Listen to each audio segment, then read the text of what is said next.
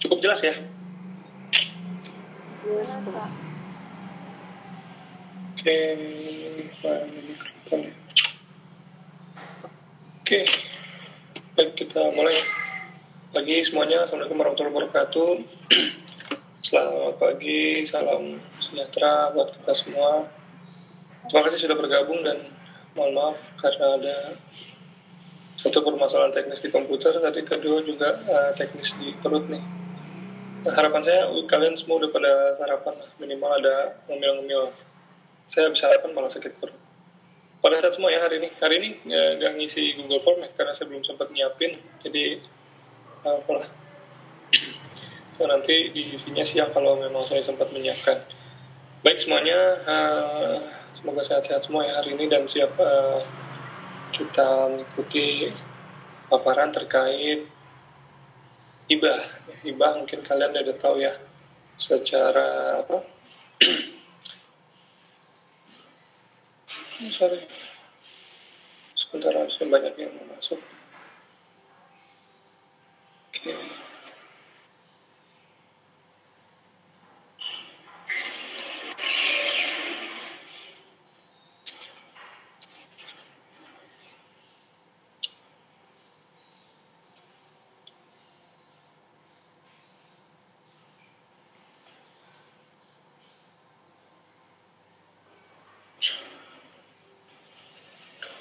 Oke, Mbak. eh,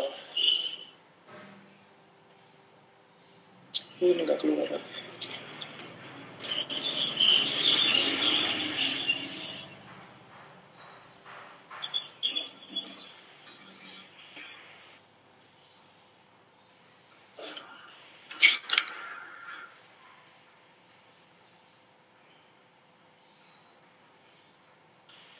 Oke,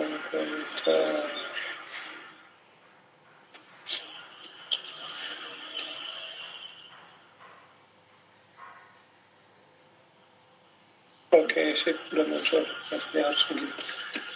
Baik, mohon maaf ya. Eh, terkait ibah memang eh, Wes, umumnya ini kalian jumpai di kehidupan sehari-hari. Bagaimana eh, kondisinya kalau untuk eh, negara ya? Ini udah 39 orang sudah bergabung. Terima kasih ya. Kita bisa mulai ya. Baik. ya, ibah sehari-hari kalian juga pernah mendengar ya itu kalau untuk kehidupan sehari-hari tapi ini kita berbicara tentang sebuah negara masa sih negara eh, di Indonesia sebesar Indonesia masih menerima hibah gitu mungkin kalian eh, bertanya-tanya seperti itu tapi pada kenyataannya memang memang adanya memang seperti itu gitu. Bahkan di mana di APBN pun itu dianggarkan ya ada. Jadi kita sudah ada estimasi eh, tahun ini akan menerima berapa atau seperti apa gitu. Jumlahnya baik itu uang maupun barang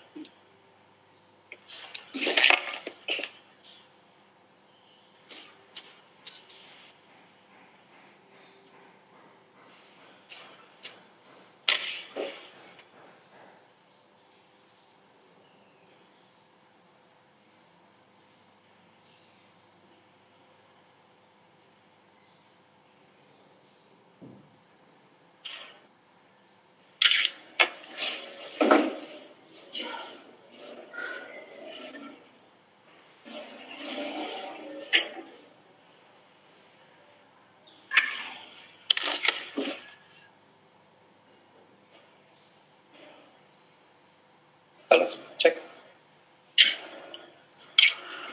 Pak. Masuk Pak. masuk ya Siap, masuk. bisa dilihat di slide-slide-nya kelihatan kan ya saya baru pertama kali nih gunain apa Google Meet di Mac soalnya jadinya agak agak nggak kurang familiar ternyata cukup beda eh hibah di eh, setiap tahunnya mungkin nilainya berfluktuasi ya Nah, nanti kita bisa lihat bagaimana hibah itu dikelola. Hibah itu eh, untuk negara memang ya kontribusinya nggak terlalu besar ya, tapi eh, sebenarnya kalau menurut saya itu hibah itu lebih ke hubungan politis ya karena ada negara-negara yang senang kalau misalnya dia mendonor diterima gitu nggak ditolak. Kalau misalnya satu negara menyumbang Indonesia Indonesia mau nggak nih dikasih apa begitu nggak usah kita udah kaya gitu sombong banget gitu kan kalian juga seperti itu kalau misalnya dihibahkan buat sesuatu barang dari kakak atau dari saudara mau nggak? Uh, ya terima aja. Gitu kalaupun nggak digunakan tinggal dihibahkan terus hibahkan. Nah uh, kondisi diterus hibahkan juga ada juga di di negara itu kita kenal gitu. Ini sistematikanya uh, mungkin nanti kita nggak um, satu-satu ya cuman uh, secara umum karena keterbatasan waktu ini ada apa ya ada sekitar 50-an hampir 60-an slide lah. Hmm, sini. Pertama ada pengertian hibah klasifikasi pengesahan dan penerapan sisa dana hibah. Memang menarik nih uh, kalau tahun-tahun sebelumnya di sebelum tahun 2011 ya kan hibah udah dari dulu dulu nih uh, bahkan dari zaman Pak Harto ya itu udah ada. Kalian harusnya sih kalian kenal Pak Harto bapak pembangunan kita mungkin juga belajar uh, sebelum adanya peraturan seperti ini nih ya pertama peraturan yang terkait administrasi hibah. Jadi hibah itu semacam apa ya uang di bawah tangan ya, atau off budget kalau boleh saya bilang. Jadi dia diterima oleh satu kementerian atau uh, individu di kementerian gitu kan. Tapi tidak dicatat makanya diatur. Nah yang menjadi dasar adalah undang-undang eh, peraturan pemerintah nomor 10 tahun 2011 2011 tentang tata cara pengadaan pinjaman luar negeri dan penerimaan hibah. Jadi di sini di highlight di penerimaan hibahnya. Kalau kita lihat secara definisi hibah adalah setiap penerimaan negara yang baik itu dalam bentuk devisa, devisa dirupiahkan, rupiah hibang e, barang, jasa atau suatu berharga yang diperoleh oleh pemberi hibah yang tidak perlu dibayar kembali. Yang di highlight sini adalah yang tidak perlu dibayar kembali. Hibah ya, kita nggak perlu membayar kembali hibah. Emang agak aneh ya kalau misalnya kalian atau mungkin pas zaman ini apa zaman pemilihan ya pilkada ya atau anggota dewan Nah itu kan pernah tuh saya pernah melihat uh, apa bahkan misalnya apa tuh mobil ambulan atau menghibahkan sound system untuk katakanlah RT atau RW gitu. Nah, saat kepilih itu nggak ada masalah, tapi kalau nggak kepilih, nah ada beberapa yang di antara mereka minta kembali. Nah itu konsep hibah yang konyol, berarti dia tidak ikhlas sama ini seperti ini sesuai dengan ketentuan di peraturan pemerintah nomor 10 tahun 2011 itu adalah uh, penerimaan yang tidak perlu dibayar kembali beda sama uh, apa pembiayaan ya, atau utang pinjaman itu uh, definisi yang lain bisa dibaca ya tapi pada intinya itu adalah penerimaan yang tidak perlu dibayar kembali. Bentuknya bisa macam-macam nanti kita lihat. Nah ini yang paling penting dalam materi ini adalah PMK 99 tahun 2017 tentang administrasi pengelolaan hibah.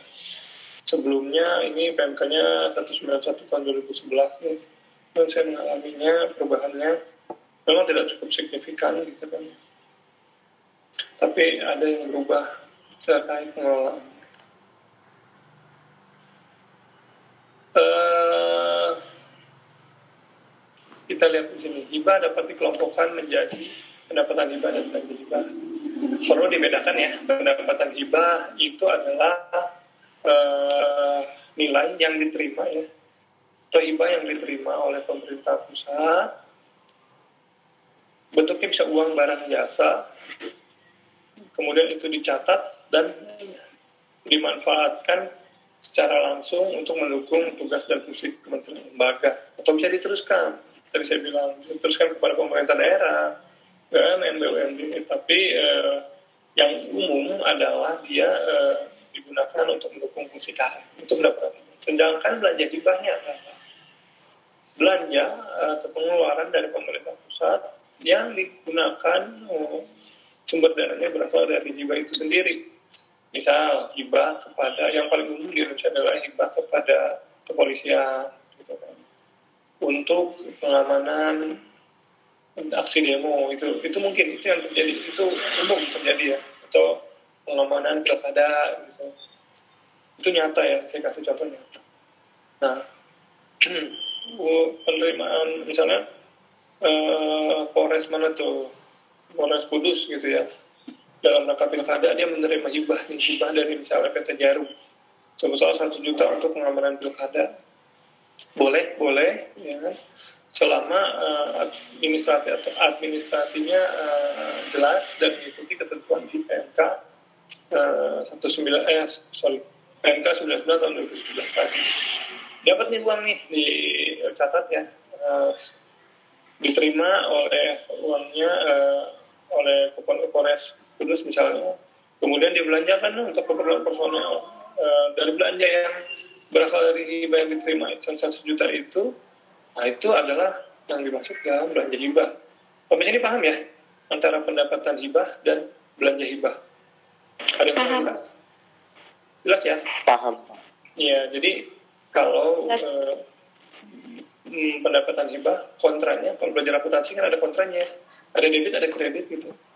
Ini yang kreditnya pendapatan uh, debitnya belanja bagaimana penata usahanya nanti kita lihat di uh, slide berikutnya. Dasar hukum ya yang paling tinggi memang oh, tentang perbedaan negara ya. Terus sampai turunan-turunannya bahkan sampai ada undang-undang tentang perimbangan keuangan pusat dan daerah. Kemudian lebih di bawahnya lagi PP segala macamnya. Turunnya PP 10, PP 2 tahun 2012, PP 10 2011 di daerah PP 71 tahun 2010 standar operasi pemerintah satu dan itu pengelolaan barang negara daerah ini terkait dengan apa? Barang ya. Kita ada jenis. Nanti kita lihat lebih detail. Untuk PMK operasional itu sendiri ini kan PP diturunkan lagi menjadi aturan yang lebih operasional. Macam tapi yang paling utama ditempatkan yang adalah tahun 2017 selain yang terbaru ini adalah yang paling utama dalam uh, pengelolaan hibah ini ada macam-macam turunannya. Kita lihat. Ada setidaknya ada enam ya prinsip penerimaan hibah atau prinsip dari hibah itu sendiri di peraturan 10 tahun 2019 prinsip ini penting ya untuk membatasi eh, hibah seperti apa sih yang boleh diterima gitu, oleh pemerintah. Yang pertama transparan, akuntabilitas, efisien dan efektif, kehati-hatian, tidak kesepakatan politik dan tidak memiliki muatan lain ya, yang dapat mengganggu stabilitas keamanan negara. Uh, yang agak apa ya, yang agak sulit untuk dipenuhi ya menurut saya, ya, menurut saya itu nomor yang kelima ya. Tidak serta ikatan politik gitu. Apa ya kita mana tahu ya uh, ketika dia membuat naskah perjanjian uh, kita nggak tahu apa yang dibalik itu gitu. apakah murni benar ingin membantu menyelenggarakan suatu kegiatan atau satu atas satu institusi atau memang ada uh, batu di balik gudang ya kayak gitu ya ada batu di balik gudang ya kebalik ya Iya, nggak apa-apa. Kalau kalau new normal nggak apa-apa kayak gitu. Udangnya lebih kecil daripada batunya. Emang gitu ya. Ada batu di bawah udang. Jadi kelihatan. Kadang, kadang ada yang jelas seperti itu. Uh, untuk informasi aja ke teman-teman semua, yang paling sering menerima apa hibah itu sepengetahuan saya sepanjang saya berkarir di kendaraan itu adalah institusi KPU KPU tahu ya Komisi Pemilihan Umum ya e, polisi dan TNI itu yang paling sering menerima hibah. Yang lainnya ada cuma jumlahnya tidak signifikan. Tapi yang paling signifikan adalah itu sudah. E, saya nggak tahu kenapa apa anggarannya kurang atau memang banyak masyarakat yang ingin atau e, baik itu individu maupun perusahaan. Individu bisa ya kalau kalian punya banyak uang suatu saat. Kalian mau membantu misalnya satker mana atau kalau di daerah ada yang namanya man min itu ada satker pusat yang ada di daerah ya. Itu sampai lebih mannya sedih banget ya. man itu setara SMA ya kalau salah. Pagarnya jelek atau kalian kasih duit bisa nanti ini tolong ya teman tolong dicat dimasukin ke diregistrasikan dan lain sebagainya. Dia sebagai hibah buat kamu buat memperbaiki fasilitas itu boleh. Kan tadi tidak dibatasi sepanjang memenuhi prinsip ini. Tidak ngumpet-ngumpet masih transparan gitu kan akuntabel ini transparan di apa wujudkan dalam bentuk naskah perjanjian hibah jadi nggak ada nih misalnya saya tadi contohkan ke man ya. Man itu setara SMA tapi yang khusus yang Islam ya sekolah Islam. Saya datang ke kepala sekolah eh, Pak ini buat bapak nggak usah bikin tanda terima lalu saya ikhlas gitu. Nggak begitu juga nggak. Memang ikhlas nggak mau riak gitu kan nggak mau show off tapi secara negara untuk lebih transparansi itu perlu ada yang namanya naskah perjanjian hibah uh, gunanya apa ya nanti biar bisa akuntabel bisa dipertanggungjawabkan gitu baik itu tadi apa belanja hibahnya maupun pendapatan hibahnya. Misalnya hibah cuma ada 100 juta, tiba-tiba dia membangun renovasi sekolah man tadi itu yang nilainya 200 juta untuk pembangunan atau pemeliharaan. Kan itu nggak bisa diaudit, eh, apa nggak bisa dipertanggungjawabkan nantinya. Itu ya, cara prinsip seperti itu.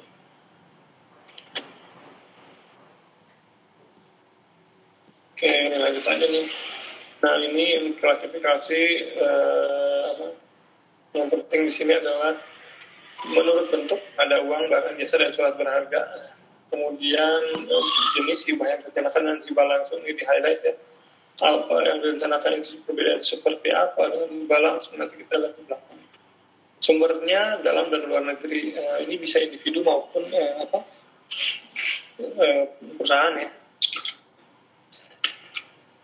Bentar dulu, keringetan juga.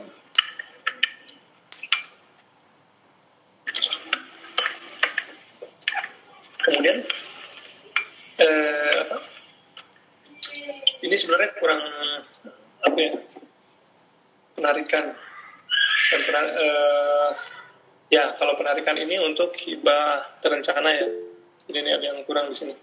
Eh, penarikan hibah kalau hibah langsung kan tadi langsung dapat digunakan dia tidak ditarikan saya jelaskan lebih detail perbedaan tarif perencanaan hibah langsung. E, penarikan di sini lebih khusus ke e, hibah yang direncanakan ya.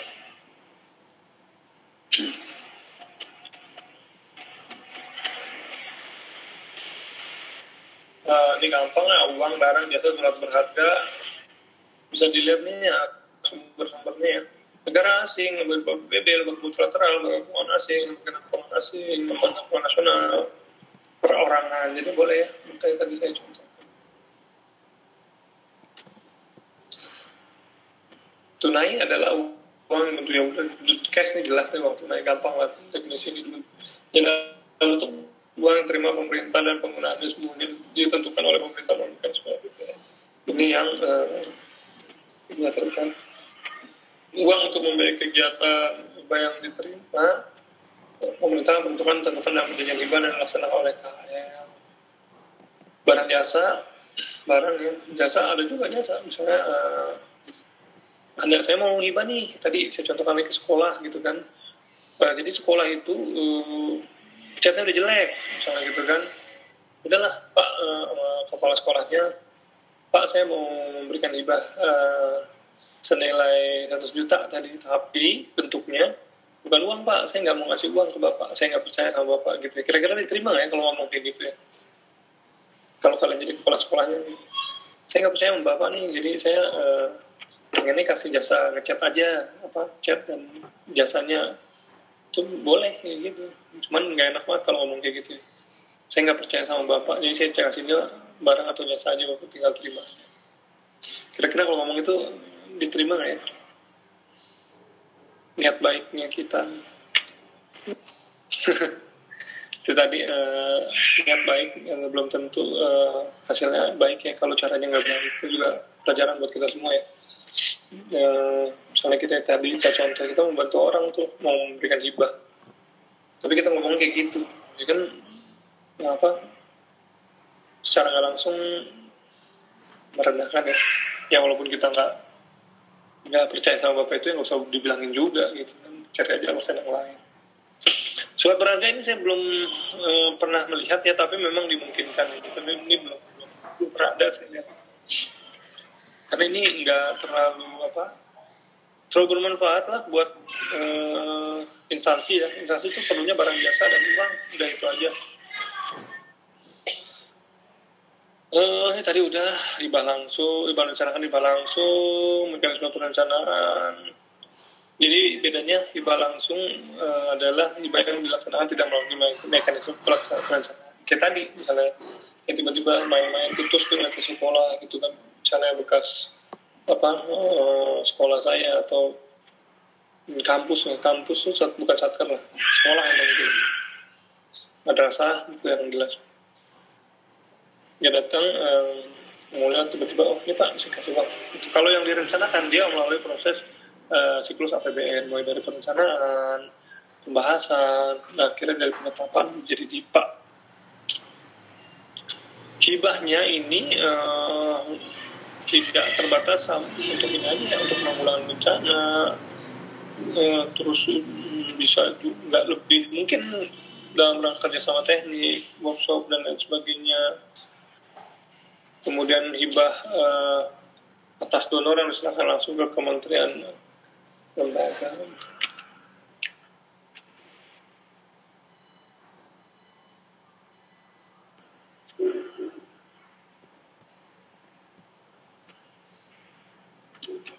Oke. Ini cakupannya.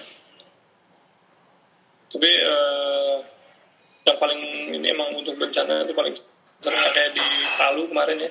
Itu iba-iba mengalir di sana. Waktu Aceh, tsunami Aceh, Palu kan gempa ya. Terus sama ada namanya apa sih?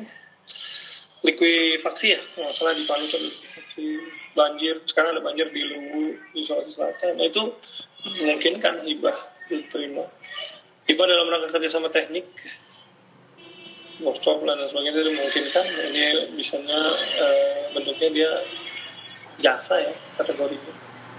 Hibah bersaing ini yang saya hmm, lucu ya namanya hibah bersaing.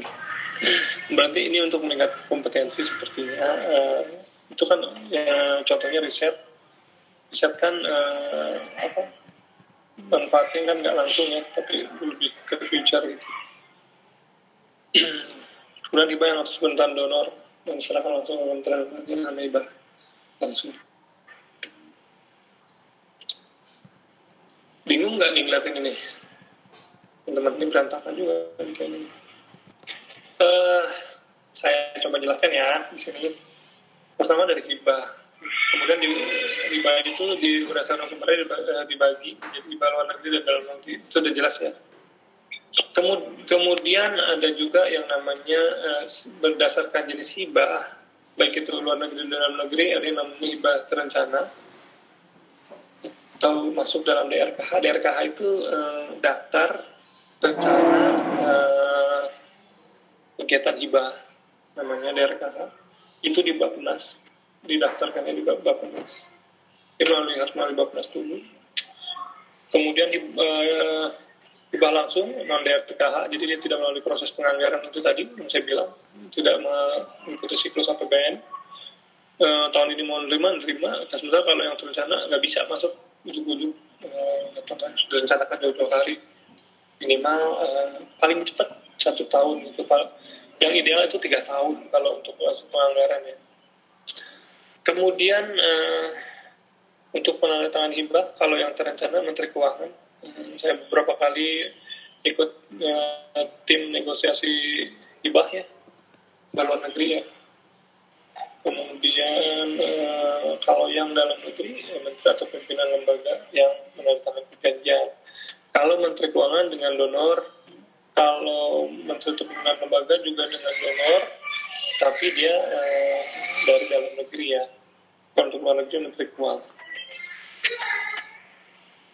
bisa dilihat kalau yang uh, uh, di sini di apa terencana dia penarikan hibahnya di KPPN kalau uh, apa langsung itu dia nggak di KPPN jadi KPPN itu KPPN ataupun uh, jadi kalau nggak di KPPN itu jadi dia bisa langsung ditarik. Karena gini konsepnya kalau hibah langsung itu uang dikasih ke kementerian atau lembaga atau satuan kerja digunakan baru diadministrasikan. Fungsi pun adalah untuk mengadministrasikan, mencatat eh, penerimaan hibah dan belanjanya yang tadi pendapatan hibah dan belanja. Bentuk eh, kalau Pak. ya ya Eh, mohon maaf itu kayaknya di layarnya nggak jalan Pak. iya nih makanya saya juga bingung kan. Memang kayak gitu nih.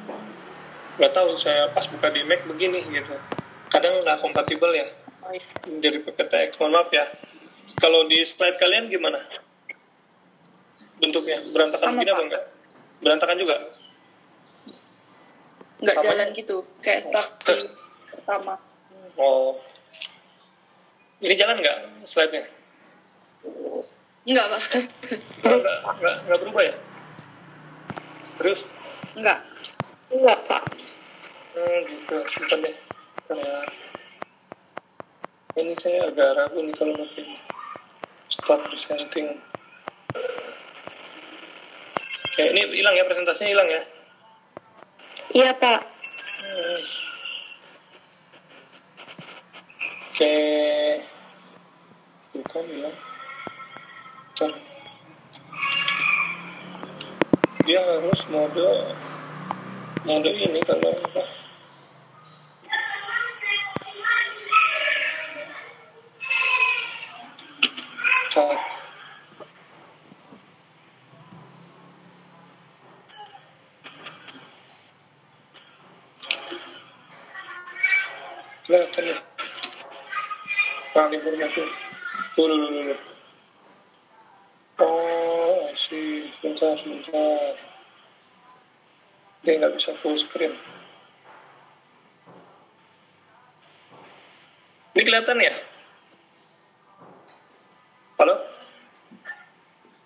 Kelihatan Pak.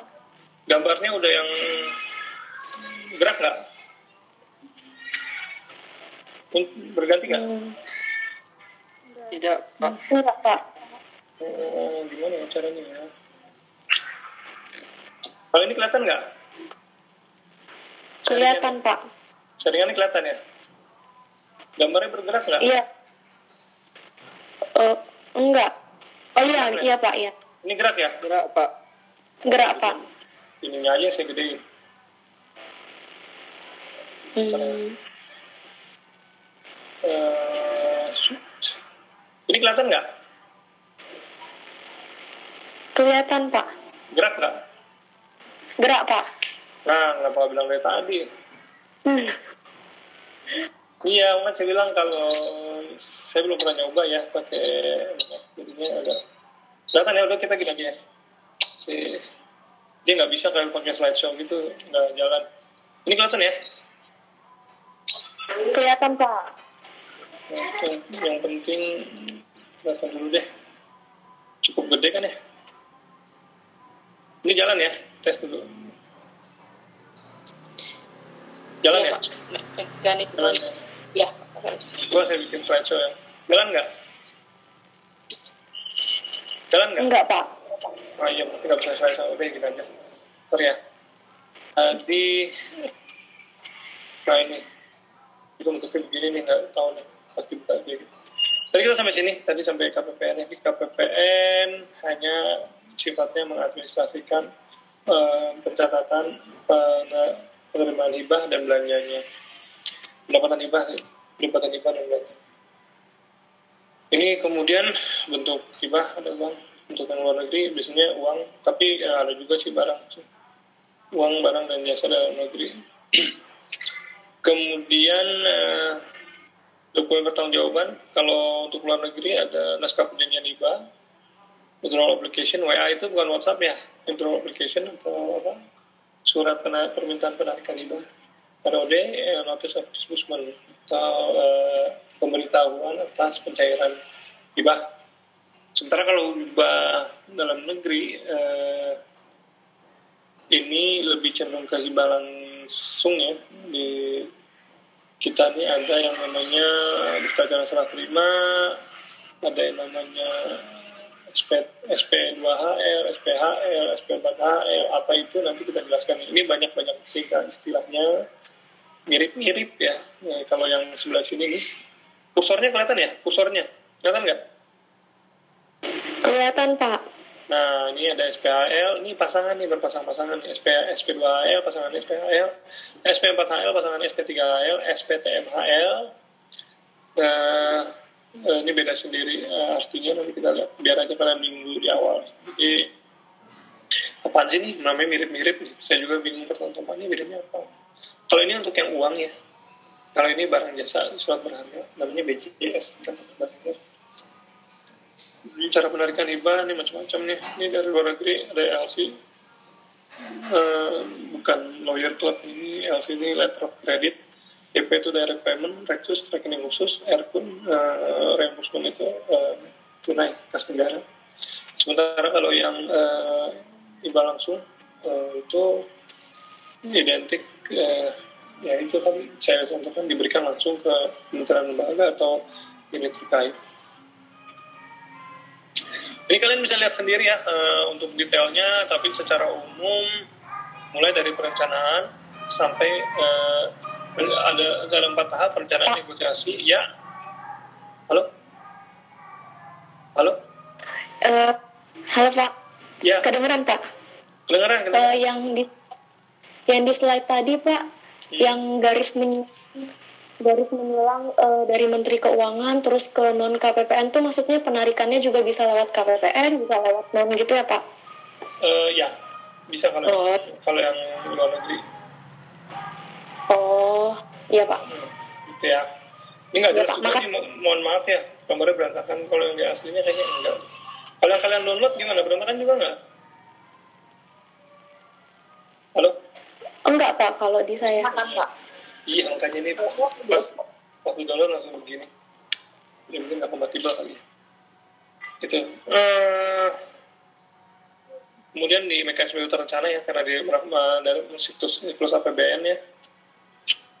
Ini mulai perencanaan, eh, negosiasi, penganggaran, baru tahap pelaksanaan. Nah ini kalian bisa lihat sendiri detailnya seperti apa di sini.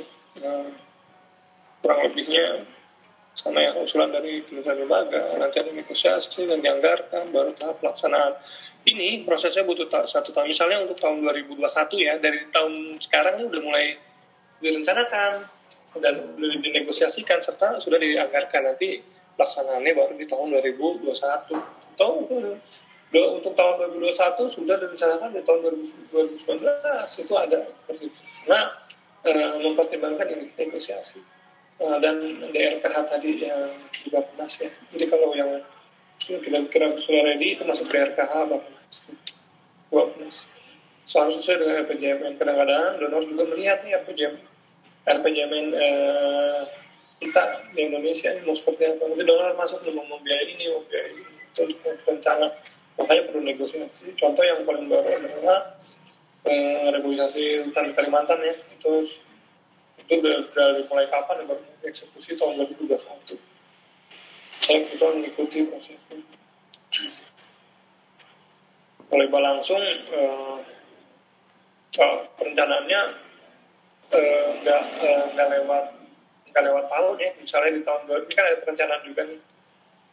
Perencanaan eh, dan penganggaran pelaksanaan itu eh, secara garis besar mirip ya. Cumi apa bagian-bagian besarnya perencanaan negosiasi penganggaran pelaksanaan.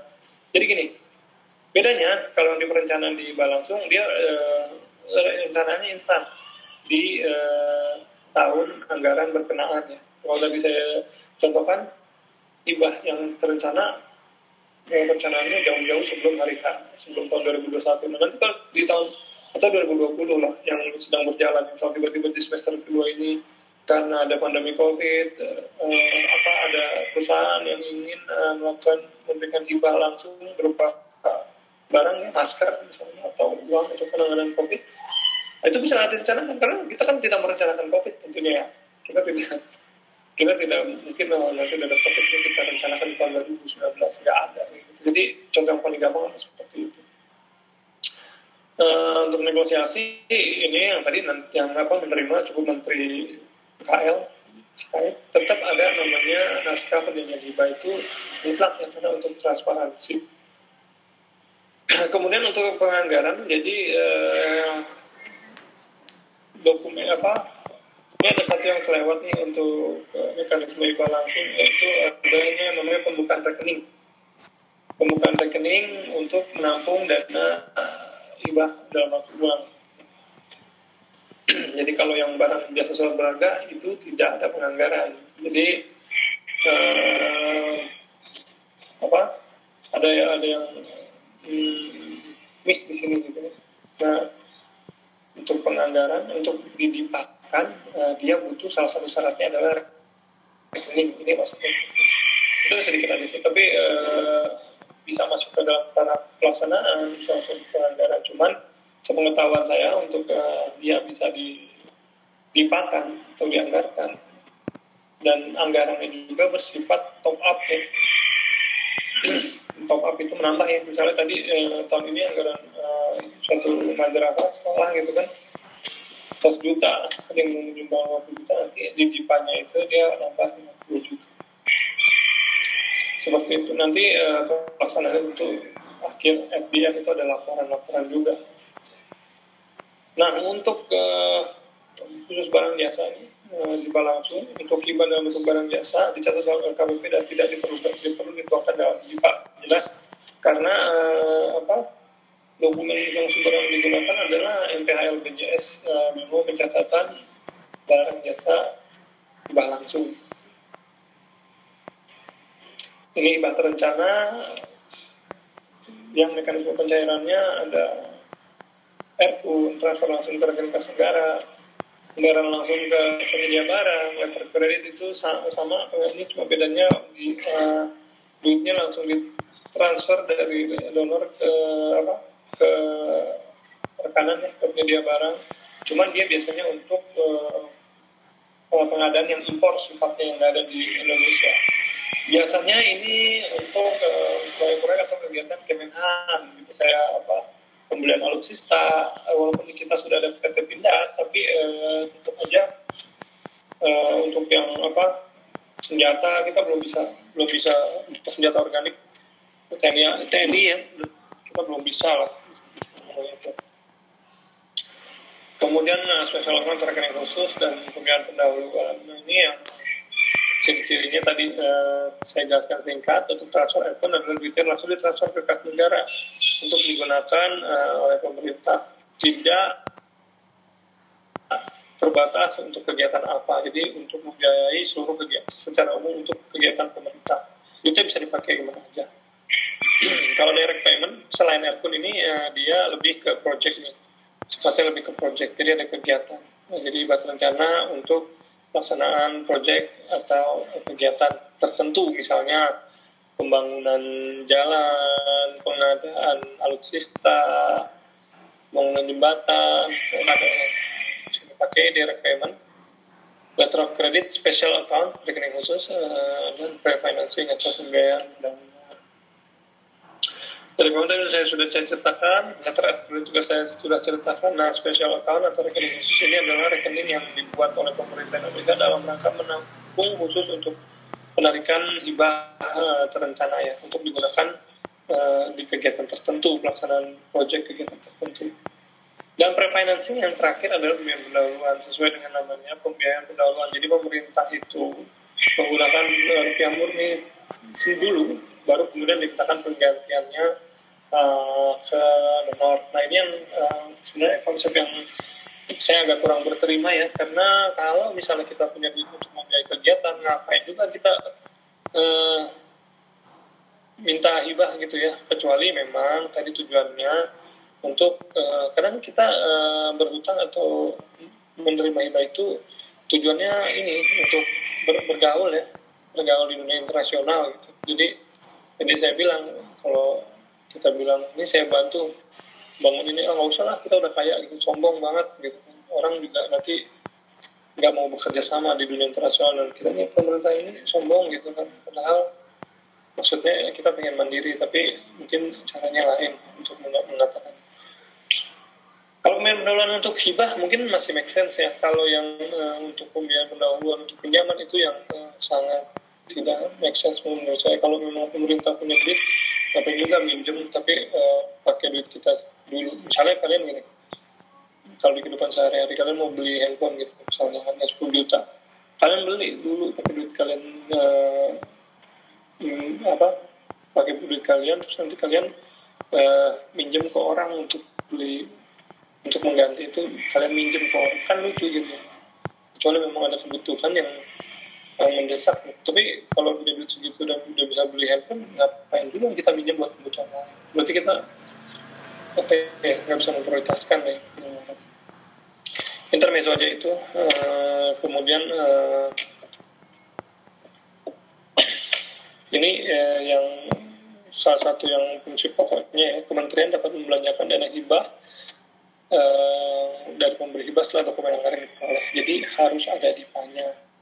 Ini untuk yang hibah terencana. Jadi dia tidak, kalaupun baru janji dari dari donor itu belum bisa.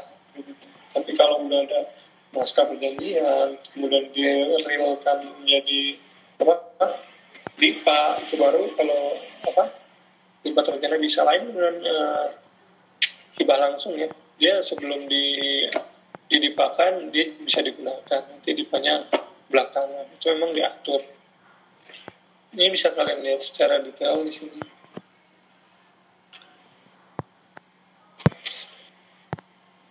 Hibah langsung dia dapat digunakan uh, tanpa melalui pencarian dari KPPN kalau tadi yang hibah rencana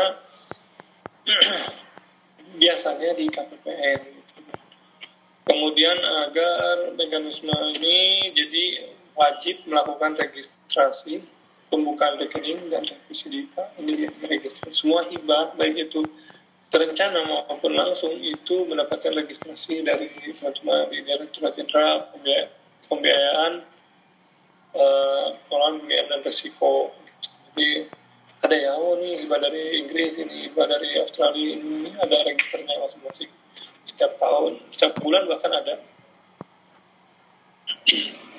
Ciri-cirinya uh, bisa dilihat ya lima.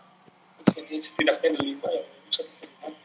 Dan tangan langsung oleh Kementerian Lembaga, tidak melalui KPPM, cara dananya, hibahnya uang barang biasa dan surat berharga, kemudian pengadaan barang biasa dilaksanakan oleh pemerintah atau kementerian sendiri, uh, kemudian pengadaan hibah dapat dilakukan secara terencana, namun jarang tidak melakukan pengadaan hibah dapat dilakukan secara terencana on budget. Uh, ini sorry ini konsep on budget ini uh, maksudnya secara terencana itu adalah dia bisa dimasukkan ke dalam uh, DIPA harus dimasukkan ke dalam DIPA balik lagi ke sini uh, wajib melakukan registrasi dan revisi DIPA. Nah on budget ini adalah konsep uh, bagaimana dana tersebut yang tadinya uh, tidak tercatat di DIPA masuk dalam DIPA dan nanti dilaporkan di LKPP di pada akhir tahun ya.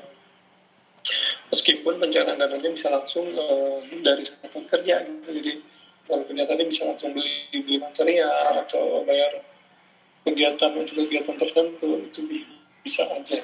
Ini bisa mendahului sebenarnya penggunaannya dan pendipaan bisa belakangan intinya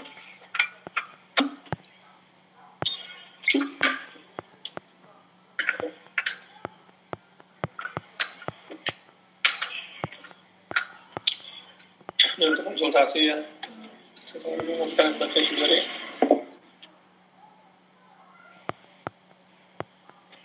Untuk pesan hibah eh, bagi ya karena dibagi jenisnya menjadi rencanakan langsung ya.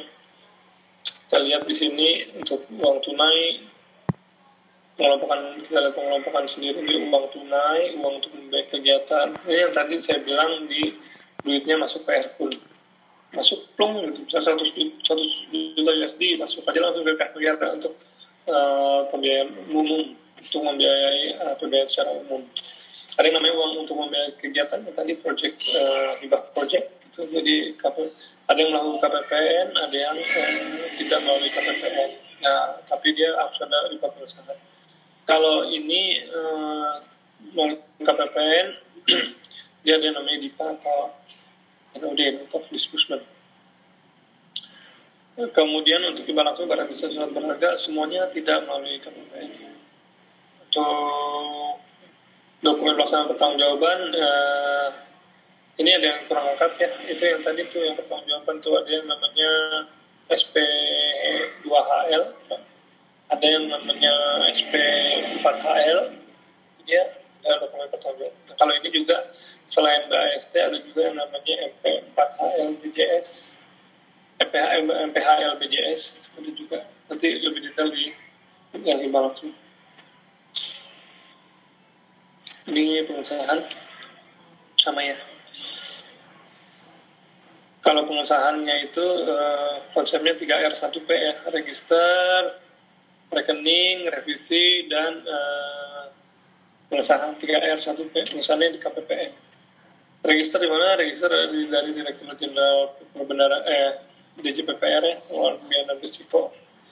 Kalau pembukaan pengelolaan rekening hibah itu di KPPN jadi di KPPN selaku kosong daerah. Ini juga dikambil estimasi jadi top up DIPA atau revisi DIPA dikambil kemudian pengesahan ini balik lagi ke KPPN pengesahan pendapatan hibah dan belanja hibah sama juga nanti kalau yang barang dicatat di KPPN nanti namanya MPHL MPHL BCS lebih simpel kalau yang barang jadi uh, dapat nomor register berita BAST berita acara serah terima ya berita acara serah terima dari donor ke penerima nah, kemudian disahkan uh, dengan menggunakan uh, memo pencatatan uh, langsung barang jasa surat berharga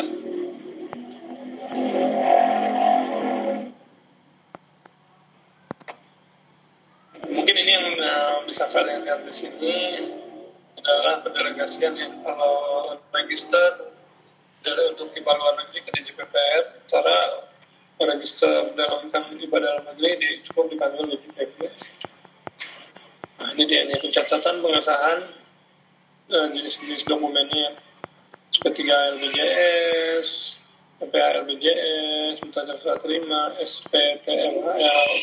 SPTMHL itu surat pernyataan telah menerima ibadah langsung yang register kurang satu lagi nih SPHL.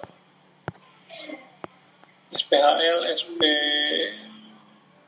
SP2H, SP2HL dan pasangan SPHL, SP4HL dan SP3HL.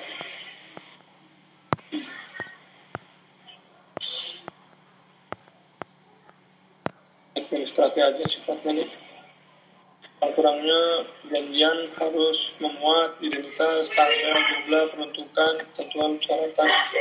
Ini juga termasuk ke, kalau misalnya nanti untuk yang uh, hibah langsung ya, ini yang 99 nya buat yang hibah langsung, lebih ke hibah langsung, administrasi hibah langsung, nanti uh, situ juga ada kalau ada nanti dapat uh, bunga dari bank, kan duitnya harus di bank, bunganya buat buat siapa? Buat buat kita atau pemerintah atau mengembalikan ke mereka gitu. Kadang ada ada donor yang wah saya kan ngasih tanpa bunganya. Bunganya stop kita dong. Kita kita di akhir apa perjanji apa di akhir masa perjanjian. Tuh perjanjian itu kan ada masa berlakunya ya. Ada masa berlakunya. Misalnya ada yang years ada yang single years. Tapi kalau emang yang apa single years begitu selesai duitnya nggak habis itu buat negara atau dikembalikan itu juga tertuang di, di dalam perjanjian.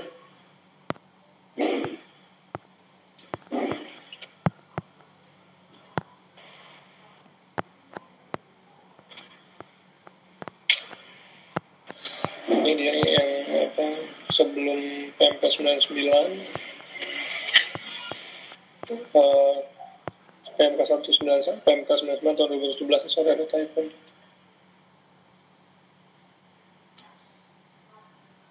tentang pendelegasian kewenangan untuk tiba langsung PP 10 tahun 2011 didelegasikan menteri atau pimpinan lembaga atau pejabat yang diberi kuasa untuk melakukan pengutangan perjanjian riba saya untuk yang riba langsung kalau 99 ini juga punya riba langsung juga eh, oleh menteri sama ya jadi sinkron dari PP 10 dengan PMK 99 pejabat yang dikuasa dan Hmm, ini nanti uh, bisa kalian ajar lebih detail ya. Cuman secara singkat seperti ini. Pertama tadi setiap pinjaman kalau sudah ada naskah, eh sorry pinjaman, hibah ya. Kalau sudah memiliki naskah perjanjian hibah itu harus diregister ya singkatnya. Di DJ kalau ada dua nih kalau dari dalam negeri dia bisa di kanwil DJPB sementara kalau dari luar negeri dia harus di DJPR Direktorat EAS tepatnya. Itu satu untuk yang register.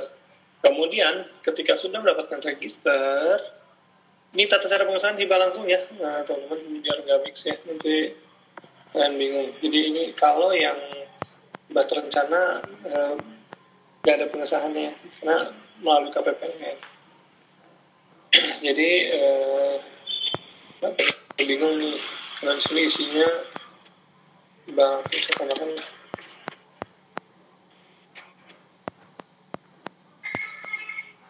Oke.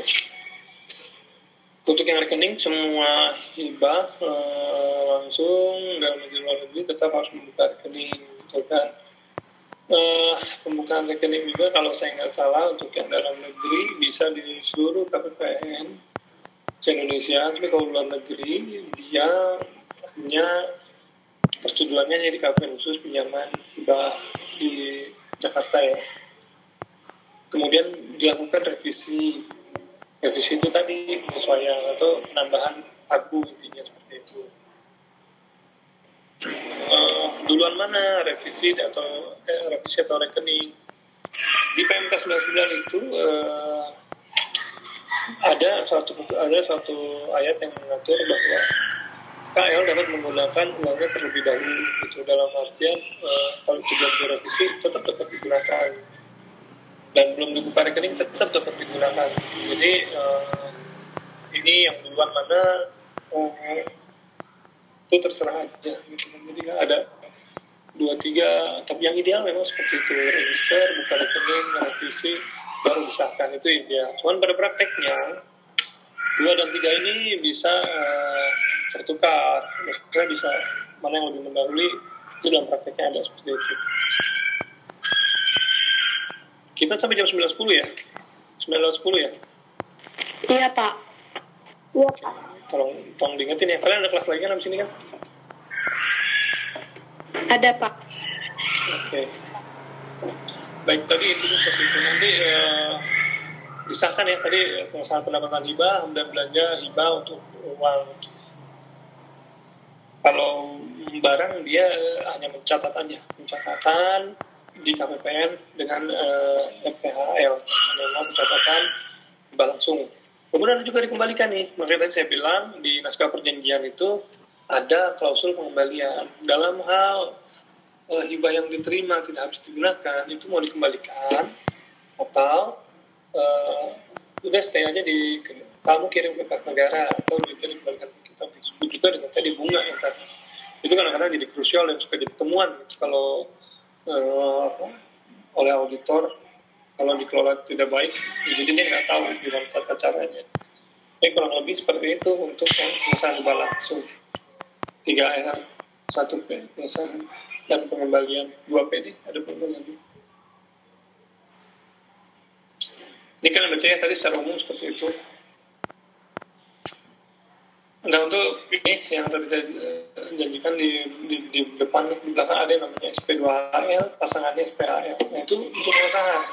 Sementara SP4HL dan SP3HL itu untuk pengesahan pengembalian.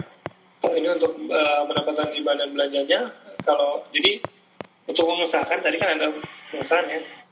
Uh, Satker atau KPA mengajukan SP2HL ke KPPN jadi situ uh, dilaporkan tuh KPPN nih KPPN kita ini terima hibah uh, 10 juta gitu. Belanja yang kita sudah catatkan eh, 5 juta.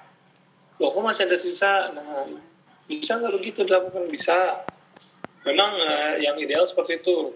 Pendapatannya dulu pendapatan dulu dilaporkan. Kemudian ada baru ada belanjanya. Kalaupun mau dilaporkan bersama antara pendapatan dan belanja itu nggak masalah.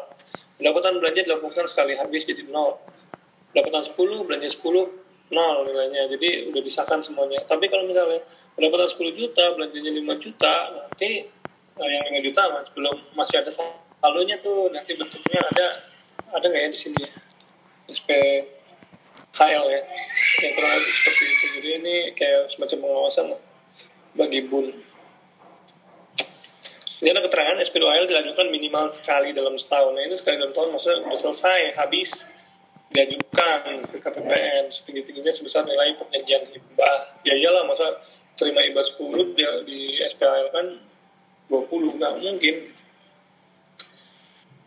Untuk SPAL untuk hibah luar negeri, SPA 2HL lakukan KPN khusus pinjaman hibah KPH ya. Dan hibah dalam negeri diajukan ke KPPN Mitra. KPPN Mitra ini KPPN seluruh Indonesia Mitra dari Satker terkait itu ya kurang lebih ini nanti administratifnya kalian bacaan sendiri kayak mudah dipahami tapi konsepnya yang saya jelaskan seperti itu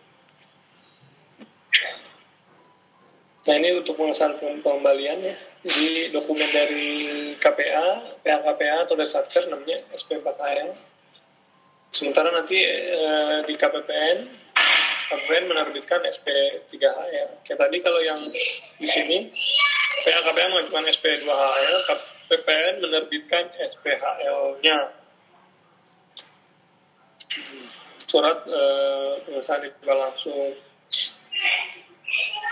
Kurang lebih sama seperti itu ya. Tadi saya sudah jelaskan konsep dari pengembalian hibah tadi. Kalau ada ini hibah 10 juta pada akhir tahun cuma kepake 5 juta 5 juta ini dilihat di perjanjiannya apakah dikembalikan ke donor atau dikembalikan ke kas negara. Kalau dikembalikan ke donor atau ke kas negara tetap harus uh, dibuat ini SP4HL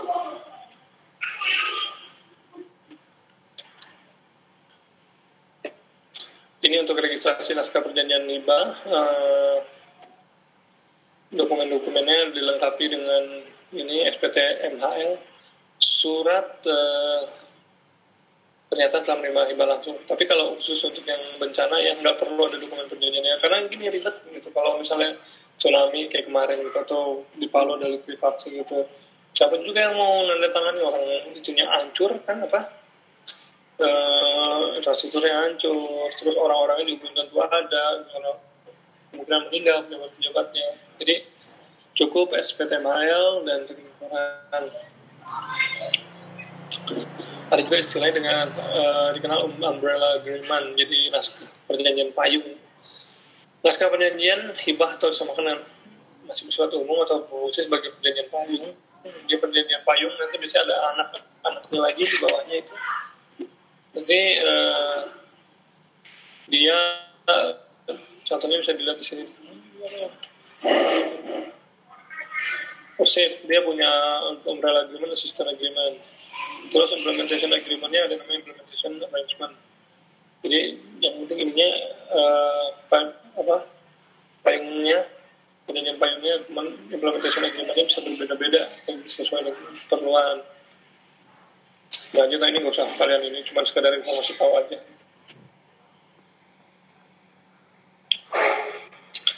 ini yang terkait registrasi bermain ini administratif aja sifatnya. Kalian uh, bisa dibaca untuk informasi.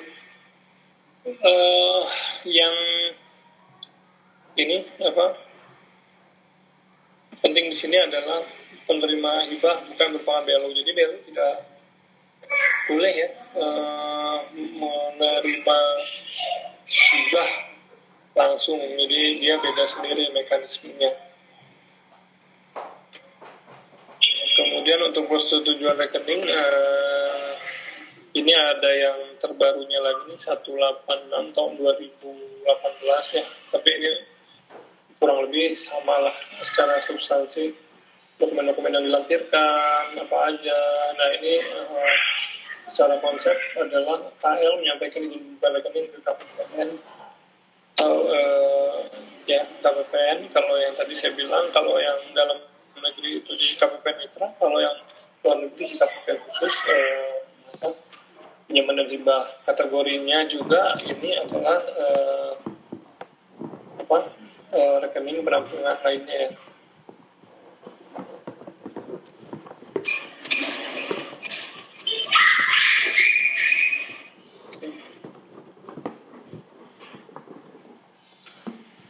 ini uh, kita lanjut aja di, sampai hibah berapa sembilan ratus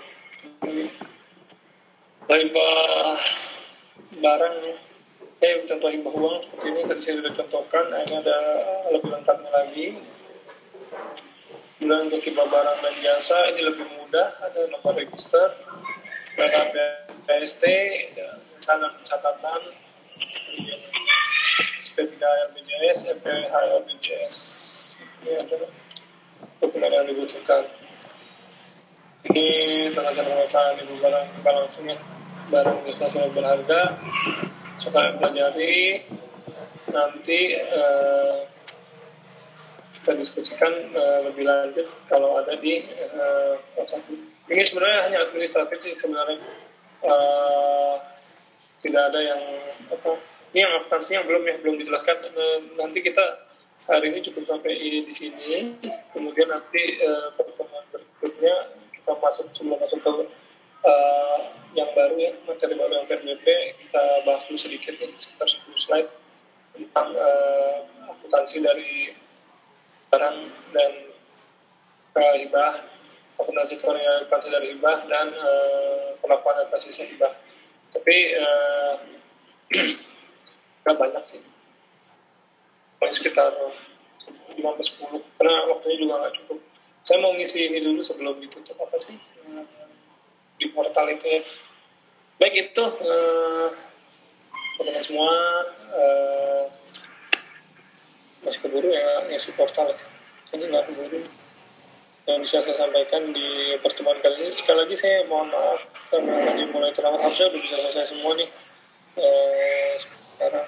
Sangat tadi di satu dan mulai agak terlambat dengan teknis jadinya eh, kita nggak bisa selesai tapi eh, mudah-mudahan terkait hibah ini kalian uh, sedikit terbuka ya walaupun mungkin belum terlalu paham dengan apa me, langsung melaksanakannya ya.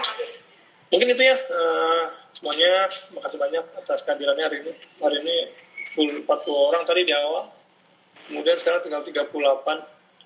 Ini saya udah ngingetin nih, screennya tidak bergerak Mbak Priscila, tapi saya belum nggak ngebaca chatnya. Makasih dan mohon maaf uh, sekalian kurang uh, kurang lebihnya saya mohon maaf. Assalamualaikum warahmatullahi wabarakatuh. Selamat pagi. Waalaikumsalam warahmatullahi wabarakatuh. Terima kasih. Terima kasih, Pak. Terima kasih.